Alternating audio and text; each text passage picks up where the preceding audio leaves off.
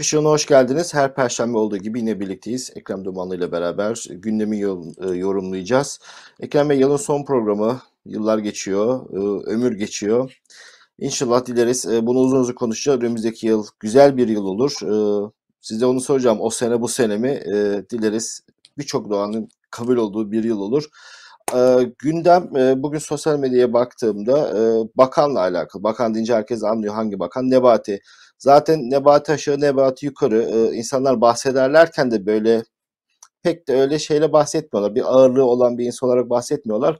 Dün Ahmet Hakan'ın programındaydı. Ee, Ahmet Hakan bile kurtaramadı öyle söyleyeyim size. Pot üstüne pot kırdı. İşte Mısırlıoğlu komplo teorilerinden tutun da işte Amerika'yı 5 aile yönetiyor Federal Rezervü. Ee, kısır pozitif kısır döngü tutun. Ekonomiyle alakalı ekonomi uzmanının dalga geçtiği yorumlar, tahminler. Yani ben eğer Türkiye'de e, inan hani hala bu durumda bile AKP'ye oy veren bir insan dahi olsam sabah ilk iş kalkar bankadan paramı çeker döviz ya da altın yapar bir yere gömerdim. O derece bir performans. E, Berat'ın e, özlenir olduğu e, günlere doğru gidiyoruz. Öncelikle bu Nebati ile başlayalım. Bakan Nebati ile başlayalım. Elde bunlar mı kaldı? Seçerek mi gönderiyorlar? Nedir sizin yorumunuz? E, bu AKP'deki e, filmin sonu diye görüyorum. Filmin sonu karikatür. Yani o büyük e, bir hayal, büyük bir rüya ile efendim gerçek oldu falan diye de reklamını yapıyorlardı. Daha böyle seviyeli, dünyayla entegre, Türkiye'yi doğru kavrayan, Türkiye'de yapılan büyük statiko hatalarını elinin tersiyle itecek ve e, yeni açılımlar yapacak. Türkiye'yi dünyaya monte edecek. Türkiye'yi dünyayla tabiri doğruysa yarıştıracak bir vizyonla AK Parti başlamıştı. AK Parti sonra AKP'ye dönüştü. Ve özellikle son 7 yılda 2013'ten e, bu yana 2010'lardan itibaren aslında biraz da oradan başlatmak e, AKP gittikçe niteliksiz, gittikçe seviyesiz, çıtası daha düşük, karikatürize edilmeye ait insanların omuzlarında gidiyor. Ben e, bunu filmin sonunu e, görmemiz açısından önemli olduğunu düşünüyorum. Yani bir geriye gitseniz o Avrupa Birliği yolunda her gün yeni reformlara imza atan, her gün e, Avrupa Birliği reformları konusunda kanunlar çıkaran ve kanunları yürürlüğe e, sevk eden devlet, hükümet, e, iktidar gitti yerine her gün takım e, ne yaptığı anlaşılmayan ve her söylediği sözde 3-5 tane pot kıran siyasetçilerin üzerinde e, ve daha da aşağı indiğiniz zaman çok daha kriminal konularla yüz yüze gelen, kaçakçılıkla karşı karşıya gelen, uyuşturucu işleriyle ilişkileri olan böyle tiplere AKP devredildi. Yani böyle bir ortamda Nebati'nin, e, bu Sayın Bakan Nebati'nin ortaya çıkması çok yadırganabilecek bir tip değil. Ya bir olay değil. Sonuçta geriye dönseniz Türkiye ekonomisi kimden sorulurdu dünyada? İşte Ali Babacan'dan sorulurdu. E, efendim Mehmet, Şimşek. e, Mehmet Şimşek'ten sorulurdu. İyi kötü dil bilen, yol bilen, ekonomi bilen, dünya ekonomisini takip eden, uluslararası bir platforma gittiği zaman çok seri bir şekilde İngilizceleriyle dertleri anlatabilen, Türkiye'nin cazip olan noktalarını da dünyaya anlatan, avantajlarını, dezavantajlarını tahlil edebilen, analiz edebilen ve altında da çok kuvvetli şimdi KHK'lı, çok kuvvetli bürokratların olduğu bir hükümet vardı, devlet vardı. Ne diyeceksek, iktidar vardı. E şimdi e aşağıdaki e, belli ki aşağıdaki e, bürokrat kadrolar da çok zayıf. İş Berat'a kaldı. Berat'tan Nebati'ye kaldı. Nebati'den kime kalacak bilmiyor.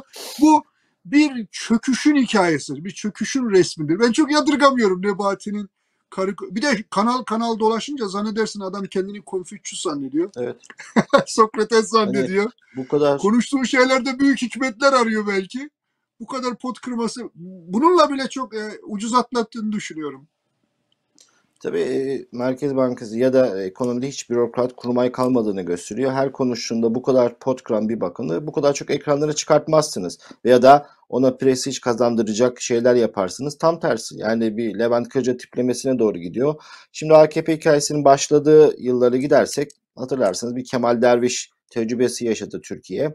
E, çok acı bir tecrübe. Dünya Bankası'ndan e, geldi e, dışarıdan bir dördüncü hükümet ortağı gibi e, krizi yönetmek üzere gelmişti. E, aslında çok utanç vericiydi. Türkiye'de kimse kalmadı. Dünya Bankası'ndan e, bürokrat transfer etti Türkiye. En azından Derviş'in bir ekonomi uzmanlığı vardı. Uzmanlık gerektiren bir pozisyondu.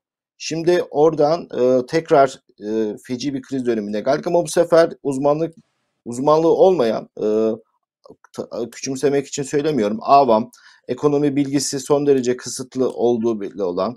Yani otomotiv sektöründe anlıyorum otomobil bayimiz vardı. Enerji sektöründen anlarım akaryakıt istasyonumuz vardı düzeyinde. Bir kişiye emanet. Bu yani gidişatın ne kadar kötü olduğunu herhalde e, uyandırmak için yeter tek bu kişi. E doğru ama yani bunu e, resmi doğru görmek için bu bakan dediğimiz vitrin insanların arkasındaki bürokratlara da bakmak lazım. Bülent Bey. Sen 100 e, binin üzerinde KHK'lıyı geçenlerde bir hukuk, bir kamu hukuku profesörü söylüyordu. Yani iltisak, efendim uydurulmuş bir yalan diyor. E bunu bütün dünya biliyor. Yani bugün söylenen bir şey değil.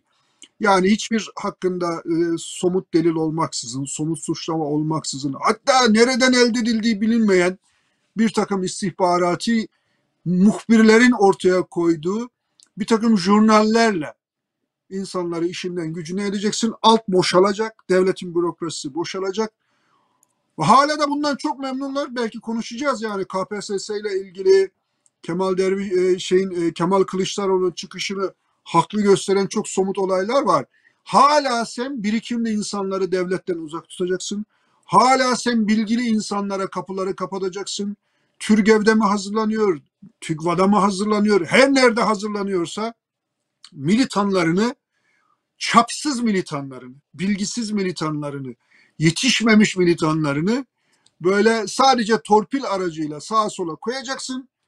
Bütün kurumlara böyle baksanız öyledir e, Levent Bey. Yani Türk Hava Yolları'ndan tutun işte devlet demir yollarına kadar Türkiye'nin çöküşü, çöküş hikayesi budur. Alttaki kadroların boşaltılması, yukarıya da vitrin sayılabilecek makamlara da ne efendim e, karikatürize edilmesi çok e, rahat, kolay olan, her konuştuğu sözde 5-10 tane hata olan insanları getireceksin. E, ne ekersen onu biçersin. Sonuçta iktidar şu an ektiğini biçiyor. Evet. Ama faturayı Sad- faturayı vatandaş ödüyor. Evet sadece ekonomi yönetiminde değil yani dış işleri ne baktığınız zaman çok komik komik tipler e, dış işlerinde. E, orduyla alakalı şimdi sınır ötesi operasyonların yurt dışındaki askeri uzmanlar hazırladığı raporlar var. Bir NATO ordusu nasıl bu kadar beceriksiz bir asker harekat yapar diyorlar. Bunlar hiç Türkiye'de konuşulmuyor. Diyanet malum, Anayasa Mahkemesi malum, herhangi bir kurum malum, emniyet malum, e, uyuşturucu kuryesi, emniyet müdürleri, e, hakimler alınıp satılıyor. Yani her bildiğimiz ortada kurum kalmadı. E, bürokratlar ve KYK'lar demişken bu ekonomideki o çalışkan insanların en fazla ekmeğini yemiş olanlardan biri de Ali Babacan'dı. E, çok e, iyi bir ekibi vardı. Bu ekibin çoğu daha KYK'lar çıkmadan önce bir tırpanlanmıştı. Çok kötü görevlere verilmişti ve KYK ile atılmıştı. O yüzden e, Ali Babacan'ı da burada anmak lazım. E, etrafındaki o e, kaliteli kadro. Bütün ekonomi alanında gidip çok yüksek maaşlarla çok iyi hayat kurabilecek insanlar bizzat devlet memuru olarak çalışıyorlardı. Onları da tek tek harcadılar. Bunları da e, dile getirmiş olalım. E, bu haftanın aslında önemli gündemi vardı. E, İstanbul Belediyesi ile alakalı yaşanan gelişmeler ama dün akşam e, Nebati gündemi e, devralınca çok ironik bir şekilde onunla başlayalım dedik ama esas 2022 diye bakacak yönü olan şey İstanbul Belediyesi'ne yapılan operasyon. Bir teftiş başlatıldı. İçişleri Bakanlığı e, terörle sizin dediğiniz iltisaklı şu bu gibi gerekçelere teftiş başlattıklarını söylediler. Şimdi e, iddialardan bir tanesi şu, çok komik. Diyader diye bir Dina Alimleri Derneği varmış. PKK ile iltisaklıymış. İşte görüşme notları yayınlandı. Bizzat Abdullah Öcalan'ın talimatıyla kuruldu gibi iddianamesi de kabul edildi. Şimdi bunlar belediyeye gazsal alınmış. E, hangi dönemde Covid'in olduğu yani dünyada en son yapılacak meslek gazsallık. E, gazsal alınmış Diyader'in referansıyla bunlar da onları tespit etmişler E, sayı vesaire hiç bilinmiyor ama trajik iddialar. Bununla alakalı İstanbul Belediyesi'ne kayyum atanır mı? Ekrem İmamoğlu'ya hapse girebilir mi? Siyasi yasak gelebilir mi? Gibi tartışmalar hafta boyu devam etti. Sizce Erdoğan İmamoğlu'nu o Cumhurbaşkanlığı aday olma ihtimali var. Bir kişinin üstünü çizmek için düğmeye mi bastı? Yoksa Soylu Erdoğan'ı hareket mi çekiyor? Şimdi olay çok öyle biraz karmaşık. Ee, biraz iç içe girmiş hadiseler var orada. Bir kere her ne surette olursa olsun böyle uydurma gerekçelerle, uydurma dosyalarla, uydurma ihbarlarla belediye başkanlarının görevinden e, İçişleri Bakanlığı silahıyla, aracıyla e, e, görevlerinden uzaklaştırılması ve yerine kayyım atanması ta baştan beri bir kere bunu belirleyelim Levent Bey baştan beri demokrasinin katledilmesiydi. Yani şimdi CHP feryadı figan ediyor. Ekrem İmamoğlu Mansur Yavaş üzerinden masaları yumrukluyor ama çok tarihi büyük fırsatlar kaçırdı. Mesela ne gibi fırsatlar kaçırdı? E, Güneydoğu'da yüzde yetmişlerle, yüzdenlerle seçilmiş, yüzde kırklarla, yüzde ellilerle eze eze bütün partilerin önüne geçerek AK Parti ile ezerek bazen de ikiye katlayarak e, belediye başkanları seçilmişti. Bu belediye başkanlarını uydurma sebeplerle yalan ihbarlarla ki yalan olduğu daha sonra da belli oldu. Yani bir sağlık görevlisi e, efendim şöyle oldu böyle oldu diye anlattı. Anlaşıldı ki o dönemde sağlık görevlisi görevde değil. Buna rağmen bunların hepsini aldılar. E, CHP ve diğer muhalefet partilerinin çok büyük bir hatası var. Orada feryadı koparmalıydılar. Hayır bu olamaz. İmam, Halkın İmamoğlu seçtiğini e, Diyarbakır Belediyesi'ne ziyarete gitmiş destek vermek için. Birçok CHP'li belediye başkanı da gitmişti. Ekrem Bey'in yaptığı şeyi söylemiyorum. Cumhuriyet Halk Partisi olarak, İyi Parti olarak, efendim e, bütün partiler. Hayır bu yanlıştır. Hatta neye kadar söyleyeyim ben Levent Bey. Mesela AK Parti kendi belediye başkanlarını da e, eften püften sebeplerle görevinden aldı. Şimdi bak CHP hayatta sevmez Melih Gökçe'yi. Doğru mu? Sen de sevmezsin ben de sevmem. Ben bazı arkadaşlar severken bile sevmezdim. Tip yani. Böyle kendini beğenmiş, her şeyi bildiğini zanneden bir tip. Menfaatçi. Tırnak içinde söyleyeyim. Üç kağıt. Onda bile, onda bile görevden zorla alınması yanlıştı Levent Bey. Yani bunu CHP demeliydi ki, demeliydi ki mesela o gün. Bir dakika kardeşim. Hayatta Seçilen bu. sevmem ben bu e, Melik Gökçe'yi. Ama böyle alamazsın insanları görevden. Gidip Melik Gökçe'ye destek vermeliydi. Mesela şimdi vefat etti zannediyorum. Balıkesir Belediye Başkanı. Ağlıya ağlıya Kadir görevini Topbaşı bıraktı. etti. Ailen. Hatırlıyor musun? İs- e, Tabii tabii. ağlaya ağlaya görevini bıraktı. Dedi ki ailem tehdit altında. Şimdi şöyle düşünün. Kendi partinizden seçtiğiniz belediye başkanlarını bile böyle adeta santraçta piyon oynar gibi alıp veriyorsanız ve muhalefet de buna uzaktan bakıp biraz nezaket içerisinde zaman zaman efendim e, bu yanlıştır bile gidip Balıkesir Belediye Başkanı'na destek vermeliydi. Gidip efendim Ankara Belediye Başkanı'na, İstanbul Belediye Başkanı'na öldü gitti şimdi yaptığı şeyleri konuşabiliriz. O ayrı bir konu. Bir kere bir gelenek başlatıldı. Bunu şunun için söylüyorum Levent Bey. Bir kere bir gelenek baş. Nedir o belediye ge- gelenek? Kötü gelenek. Gelenek denir mi buna bilmiyorum. Bir devlet ref- refleksi de denmez. Bir rejim refleksi. Hoşlanmadığı bir adam. ister kendi partisinden olsun. ister HDP'den olsun. ister efendim CHP'den olsun. Hoşlanmadığı bir insanla ilgili uydurma kaydırma bir takım raporlar düzenleyip uydurma kaydırma bir takım muhbirleri de bir takım muhbirleri de satın almış adamlar da olarak belediyeyi gelip alıyorlar. Şimdi bu çerçeveden baktığımızda Ekrem İmamoğlu görevinden azledilebilir mi? Alınabilir mi? Alınabilir. Yani neden? Çünkü bunun altyapısı var Türkiye'de. Maalesef. Yani Ekrem Bey'in Diyarbakır Belediyesi'ne gitmesi doğru bir davranış. Ama Cumhuriyet Halk Partisi olarak, diğer bütün muhalefet partiler olarak HDP'den zerre kadar haz almayan partilerde dahil demeliydi.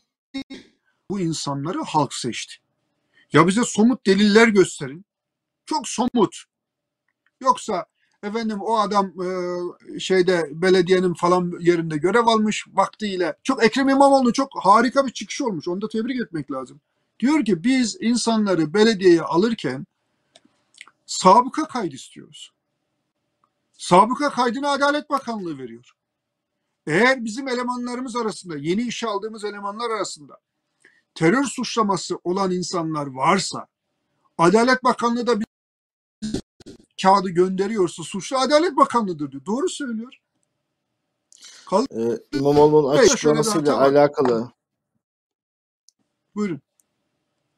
Ee, Evet, e, bu güzel bir tespitte bulundu. Yani git Adalet Bakanlığı'na sor o zaman dedi. Ama bir de başka bir pot kırdı. Eğer bunlar teröristse bakana seslendi tut kulağından at içeriye dedi. Bu da çok büyük bir pot da aslında. Öyle İçişleri Bakanı'na teröriste tut kulağından at içeriye diyorsan o zaman bazı başına gelecekleri de e, çok itiraz etmeyeceksin. Kesinlikle her ne kadar yani Adalet Bakanı'na sor bunları dediğinde doğru ise al bunu kulaklarından tut teröriste at o da o kadar yanlış. Çünkü bugün bugünkü yönetimin, rejimin, faşist rejimin diyelim, baskıcı te- e, e, rejimin en büyük e, argümanlarından bir tanesi, en yaygın argümanlarından bir tanesi daha doğrusu insanlara terörist yaftası vuruyor ve insanları işinden, gücünden, evinden, barkından, malından, mülkünden ediyor. Yani olmamalı insanlara terörist deyince insan zaten herkesin ortak ifade ettiği bir şey var. Bir ülkede milyonlarca terörist olmaz. Şu ana kadar bir buçuk iki milyon hakkı, iki milyon insan hakkında öyle ya da böyle dolaylı veya doğrudan az veya çok terör suçlaması yapılıyor. Siz ya manyak mısınız demesi lazım birisinin. Terör örgütü 300 kişi olur, 3000 kişi olur, 5000 kişi olur. En baba zamanında, en güçlü olduğu zamanda bile PKK ile ilgili 3500 veya 5000 efendim terörist olduğu, daha kadrosu olduğu söylenirdi. İstihbaratı raporlarda böyle denirdi. E şimdi sen tutmuşsun bakkala da terörist diyorsun. Neydi işte dönerciye terörist diyorsun. Öyle miydi? Efendim Yani zaten e, e, bu şartlar Bey, altında sen Türkiye'deki teröristi al bul at. E, e, sen, sana bir gün terörist diye yafta yaparsa ne yapacaksın? Bir kere orayı belirlemek lazım. Türkiye'deki en büyük şanssızlık terörist ilan edilmeyen insanlar. O kesim yani henüz e, terörist ilan edilmemiş olan insanlar yüzünden zaten e, bütün bunları yaşıyoruz. Şimdi e, Erdoğan stratejisine e, geri dönersek e, Ekrem İmamoğlu'nu aday olma ihtimalinden çıkarmak mı istiyor? Eğer bunu başarırsa yaparsa yapar. Hiç kimse itiraz edemez. Yani nasıl geçmişi anlattınız o belediye başkanlığıyla alakalı işte üzüntü bildirme, kınama gibi eften püften açıklamalar yapılır. İmamoğlu'nu alırlar, içeriye atarlar. Üç gün, beş gün e, büyük olaylar olur. Sonra herkes alışır buna e, diye düşünüyorum. Acaba ama bunu yapmazsa, yaralı bırakırsa da Ekrem İmamoğlu'nu çok güçlendirmiş olacak. E, biliyoruz ki saray e, Kılıçdaroğlu'nu karşısında görmek istiyor. Bir de şunu unutmayalım. E, bütün istihbarat birimleriyle CHP'yi takip eden, ne konuştular, e, nasıl neler planlıyorlar. Biz kulislerle e, haber kaynaklarımızı takip ediyoruz ama Erdoğan CHP'yi büyük bir e, şeyle hem telekulak Kılıçdaroğlu telefonun dinleniyor dedi. Her türlü istihbarat e, hünerleriyle takip ediyor CHP'yi. Acaba iş Ekrem İmamoğlu'na doğru dönecekti de e, bunun paniği mi var? Ben e, Ekrem İmamoğlu önemli bir e, çok önemli bir noktada duruyor ama tutuklanması e, tıpkı Tayyip Erdoğan'ın 90'lı yılların ortasında tutuklanıp hapse atılması ve bir anda çok popülerize olması gibi bir şeyi doğurur. Yani öyle kısa vadede e, Ekrem İmamoğlu'nun bir mağduriyeti söz konusu olsa bile nasıl Tayyip Erdoğan o milli görüş çerçevesini çünkü o döneme kadar bütün oy potansiyeli yüzde 19, yüzde 22'ye kadar çıkabilmişti. Yüzde 22 civarında en popüler olduğu zaman. Ee, Tayyip Erdoğan'ın bir şiirden dolayı tırnak içinde hapse atılması ve 6 ay e, civarında hapiste yatması ki hapishane şartlarını o gün yaşayanlar anlattıkça anlıyoruz. Çok ciddi mağduriyet olmamasına rağmen, kısa dönem hapiste yatmasına rağmen bir anda bütün kitleler tarafından kucaklanması ve benimsenmesine sebebiyet verdi. Ben bu meseleyi Tayyip Erdoğan'ın bileceğini tahmin ediyorum. Ya biz durduk yerde elimizin altında efendim rahatlıkla mücadele edebileceğimiz bir adamı bayraklaştırıyoruz, topluma mal ediyoruz. Benim de başıma bunlar gelmişti diyebileceğini tahmin ediyorum. O yüzden de şöyle düşünüyorum Levent Bey. Mesele İstanbul'dan ve Ekrem İmamoğlu'ndan daha büyük bir mesele. Nedir bu mesele dersen ben şahsi e, baktığım yeri söyleyeyim. Erdoğan kaybettiğini görüyor kardeşim. Gümbür gümbür çöküyor sistem. İster ekonomik anlamda, ister siyasi anlamda, ister sosyal anlamda AK Parti büyük bir rüyaydı, büyük bir kabusa dönüştü AKP olarak. Büyük bir umuttu, büyük bir nefrete dönüştü. Büyük bir sempatiydi, büyük bir tiksintiye dönüştü. Tiksinti had safhada. Yani 19. yılında iktidarın sonunda peki ne yapacak? İstersen senin söyleyeceğin bir şey var söyle sonra ben ne yapab Bir ne şey var size e, onu zaten konuşacağız ama size itiraz ettiğim bir nokta var. Şimdi hep Erdoğan'ın İstanbul Belediye Başkanı ikenki dönemiyle karşılaştırıyorlar. O Türkiye ile bu Türkiye arasında dağlar var. Erdoğan şiir okudu. Terörist ilan edip müebbet hapis almadı.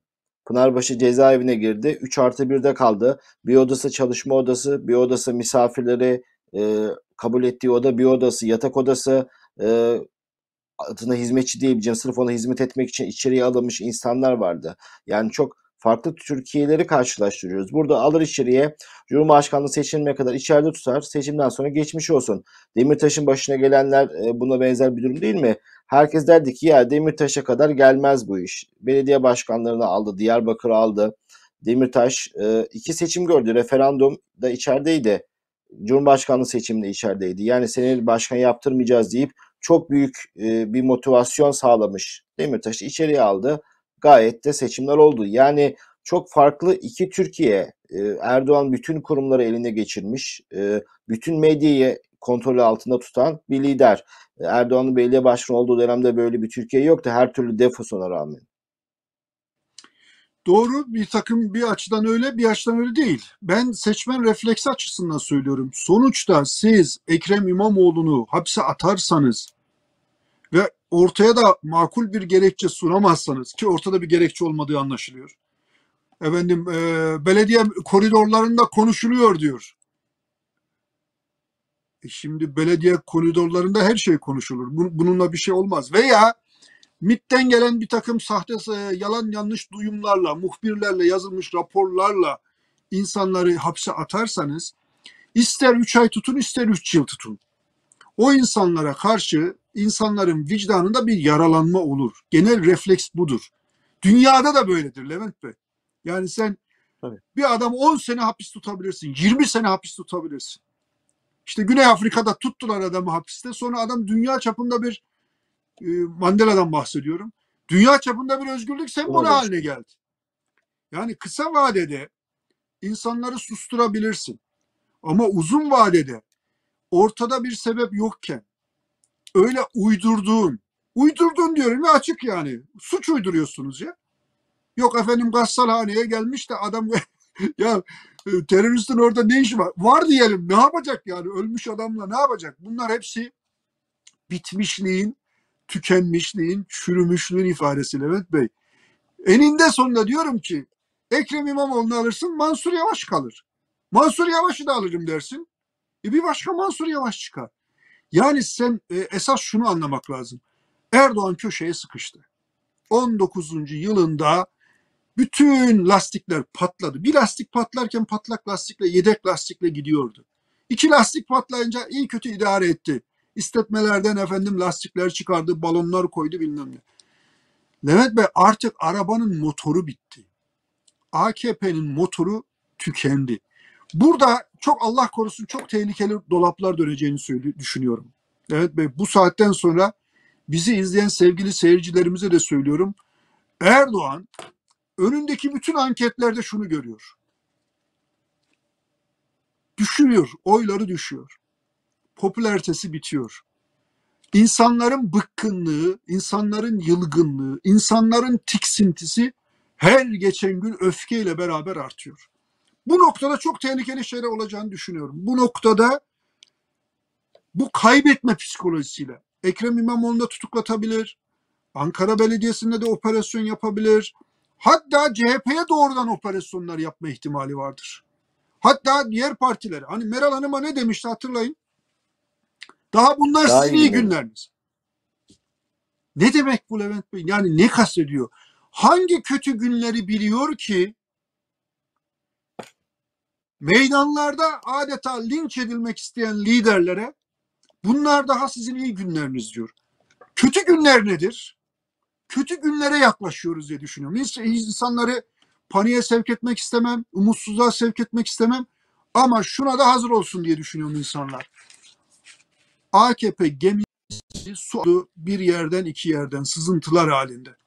Şimdi geldiği nokta gemi yürümüyor, gemi gitmiyor. Bakan diye koyduğun adam karikatürize olunmuş tipi tiplerden oluşuyor. Bundan sonra yapacağı çok şey var. Çok dikkatli olması lazım.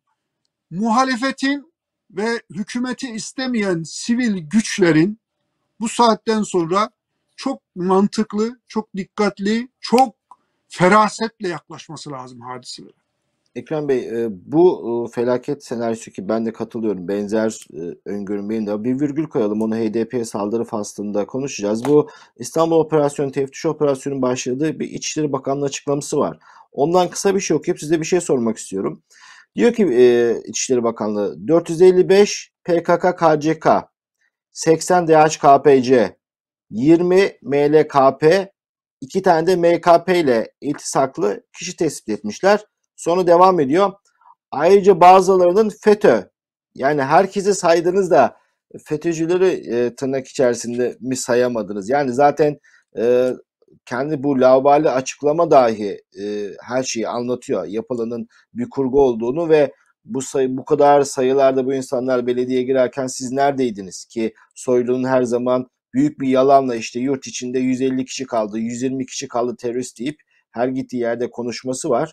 Ee, çok böyle e, güçlü bir şekilde giremediler gibi ama e, PKK kartının, HDP kartını nasıl kullanacaklarını yine hafta içi üzücü bir olayla e, gördük. E, Bahçeli Evler'de öğle saatlerinde bir kişi HDP ilçe başkanlığına gitti. Ben üye olmak istiyorum dedi. Kendisine çay ikram ettiler. Çayı geri fırlatıp hakaretler. E, kimin iddiasına göre si- silahı tutukluk yaptı. Valilik açıklamasında kuru sıkı tabancaydı demişti. Ama e, yazında e, HDP İzmir'de bir saldırı gerçekleşmiş. Bir genç kadın hayatını kaybetmişti. Türkiye'yi bir anda şiddet sarmalına sokmak sanki çok kolay. HDP'ye saldıracaklar. E, Allah korusun sadece sesli düşünüyoruz. Bir iki kişinin hayatını kaybettiğini düşünün. Yine aynı ekibin bu işi planlayan aynı ekibin intikammış gibi, misillemeymiş gibi başka bir saldırısını düşünün. E, iktidarla iltisaklı ya da partisine ya da MHP'nin bir e, ilçe başkanına saldırdığını düşünün.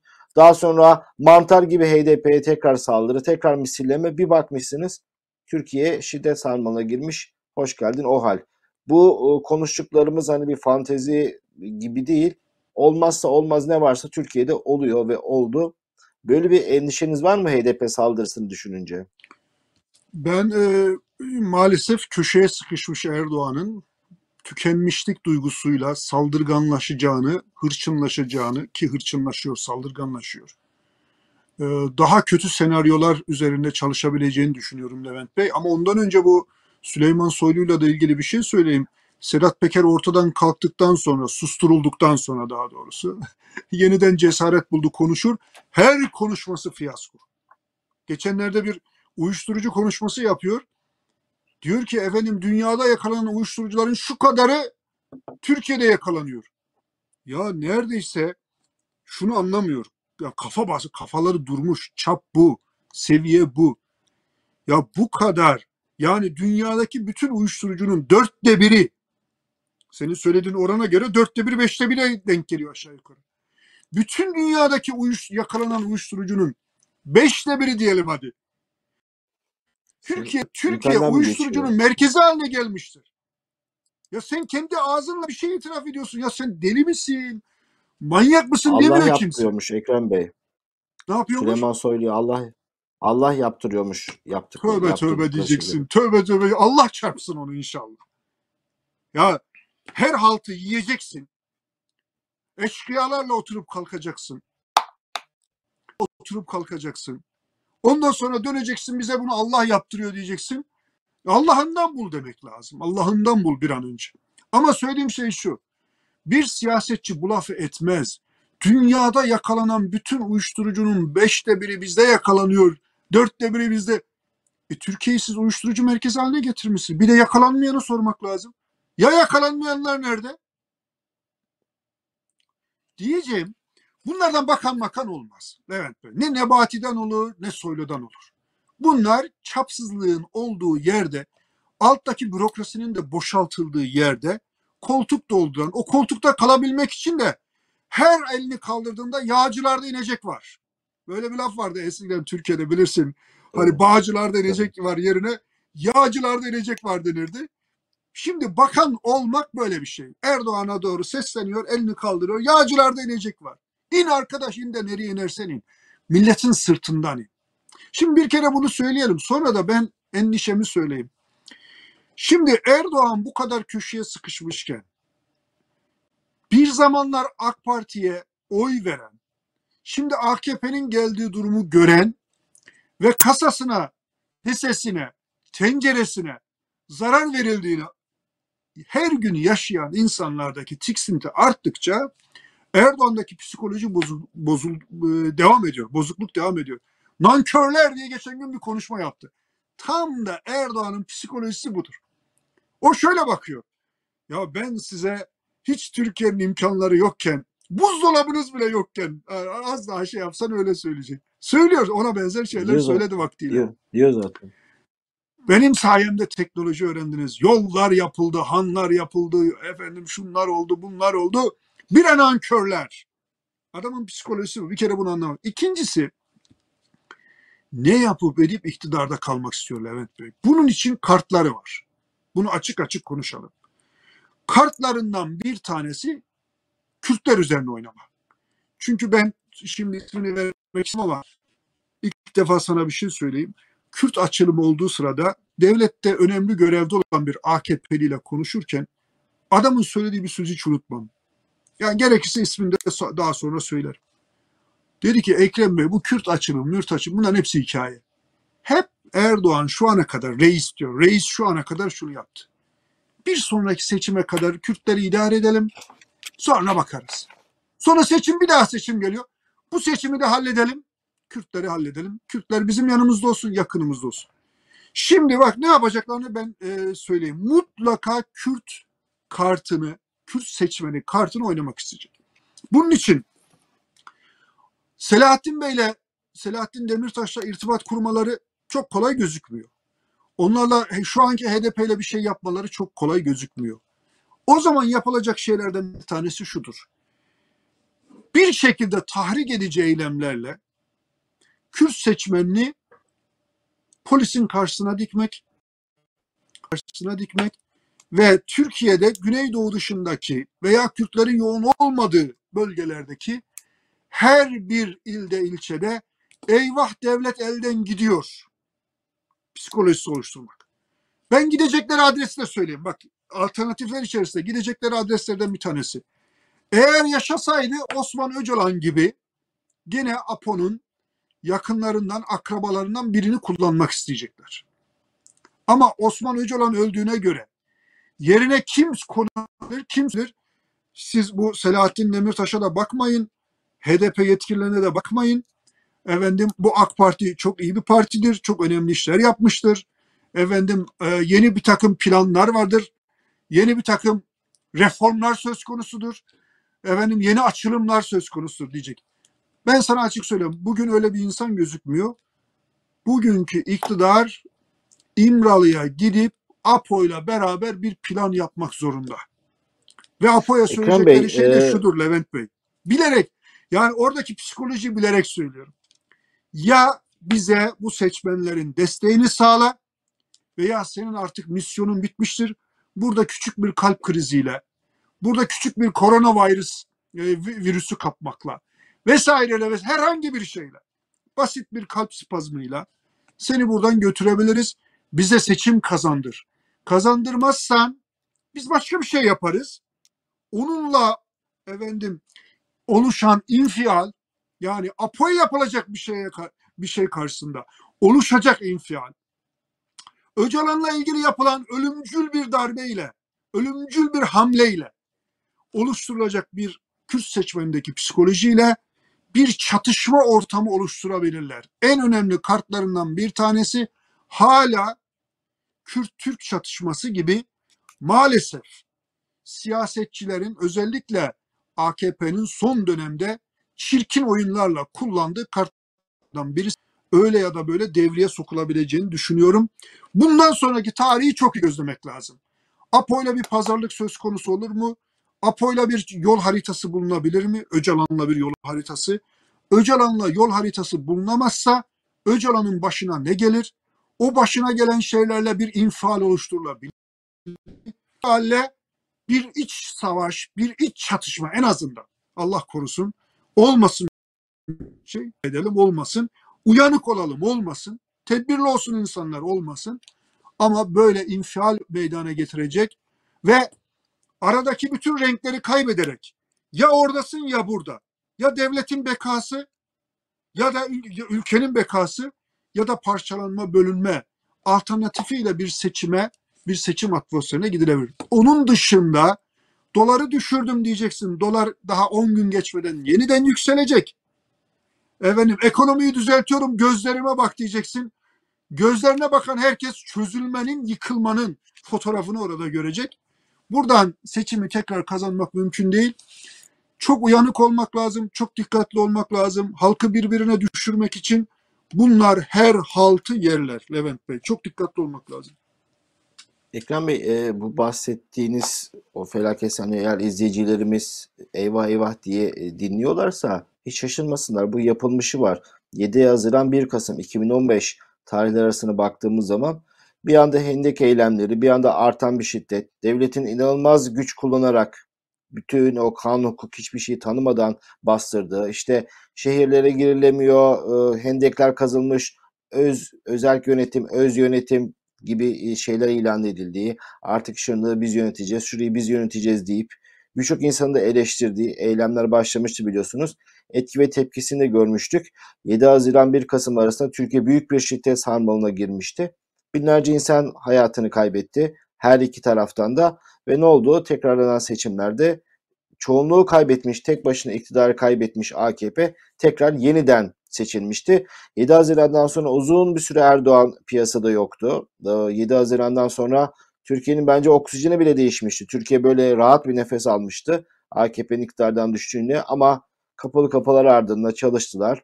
Hükümet kurdurmadılar ve büyük bir şiddet sarmalıyla 1 Kasım'a gitmiştik. Bu denendi, başarılı oldu. Ee, tekrar buna müracaat edebilirler mi? Edebilirler.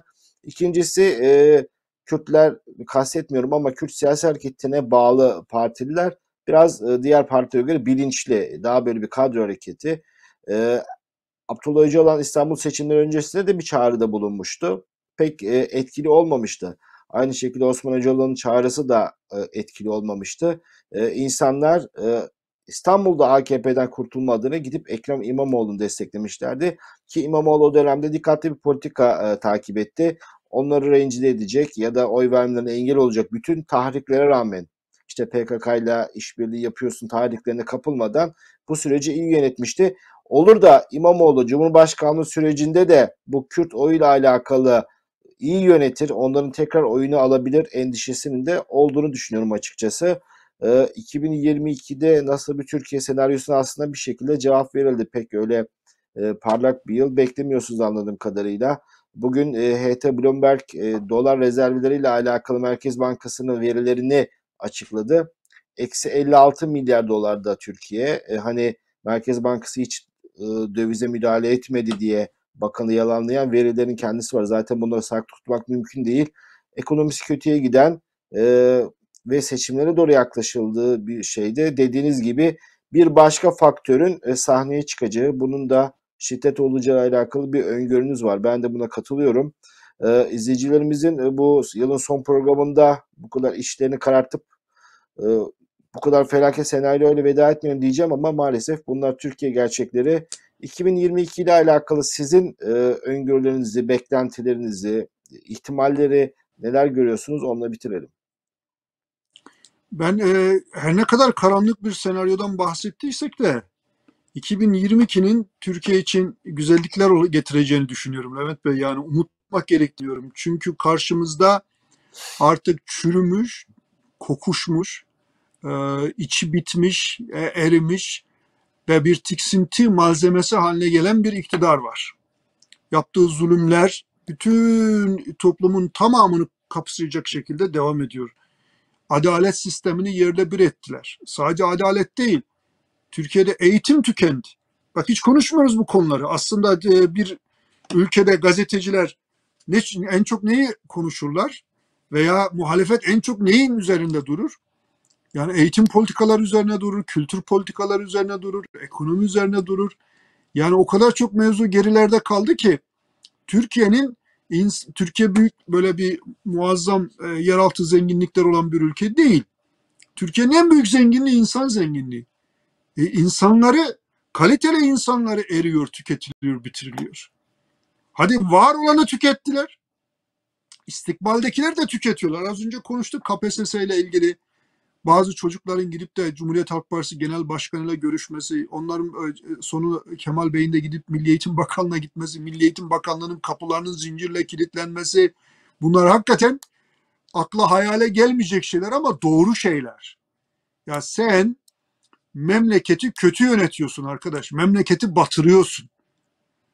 Aile e, efradı olarak malınıza mallar kattınız, canınıza canlar kattınız, dolarlarınızı biriktirdiniz, milyonlarca, milyarlarca dolara ulaştınız. Zevki sefa içinde yaşıyorsunuz. Arada bir çıkıp vatandaşa porsiyonlarınızı küçüldün demeyi de biliyorsunuz. Fakirlik edebiyatı yapmayı da biliyorsunuz. Haşa kendi heva ve hevesine binaen Kur'an-ı Kerim'den ayetler okuyarak insanların açlıkla imtihan olacağını da söylüyorsunuz. Ama kendiniz hiç bu imtihana tabi olmuyorsunuz. Vesaire vesaire. Ama bıçak kemiğe dayanmıştır Levent Bey. Karanlığın en zifiri olduğu yerde aydınlığın gelmesi yakındır. Dolayısıyla ben bu dönemin kapandığını Erdoğan'ın 19 yıllık e, iktidarı döneminde 19. yılda artık tamamen bittiğini, tükendiğini ve bu fotoğrafın çok net bir şekilde insanların vicdanında resmedildiğini görüyorum.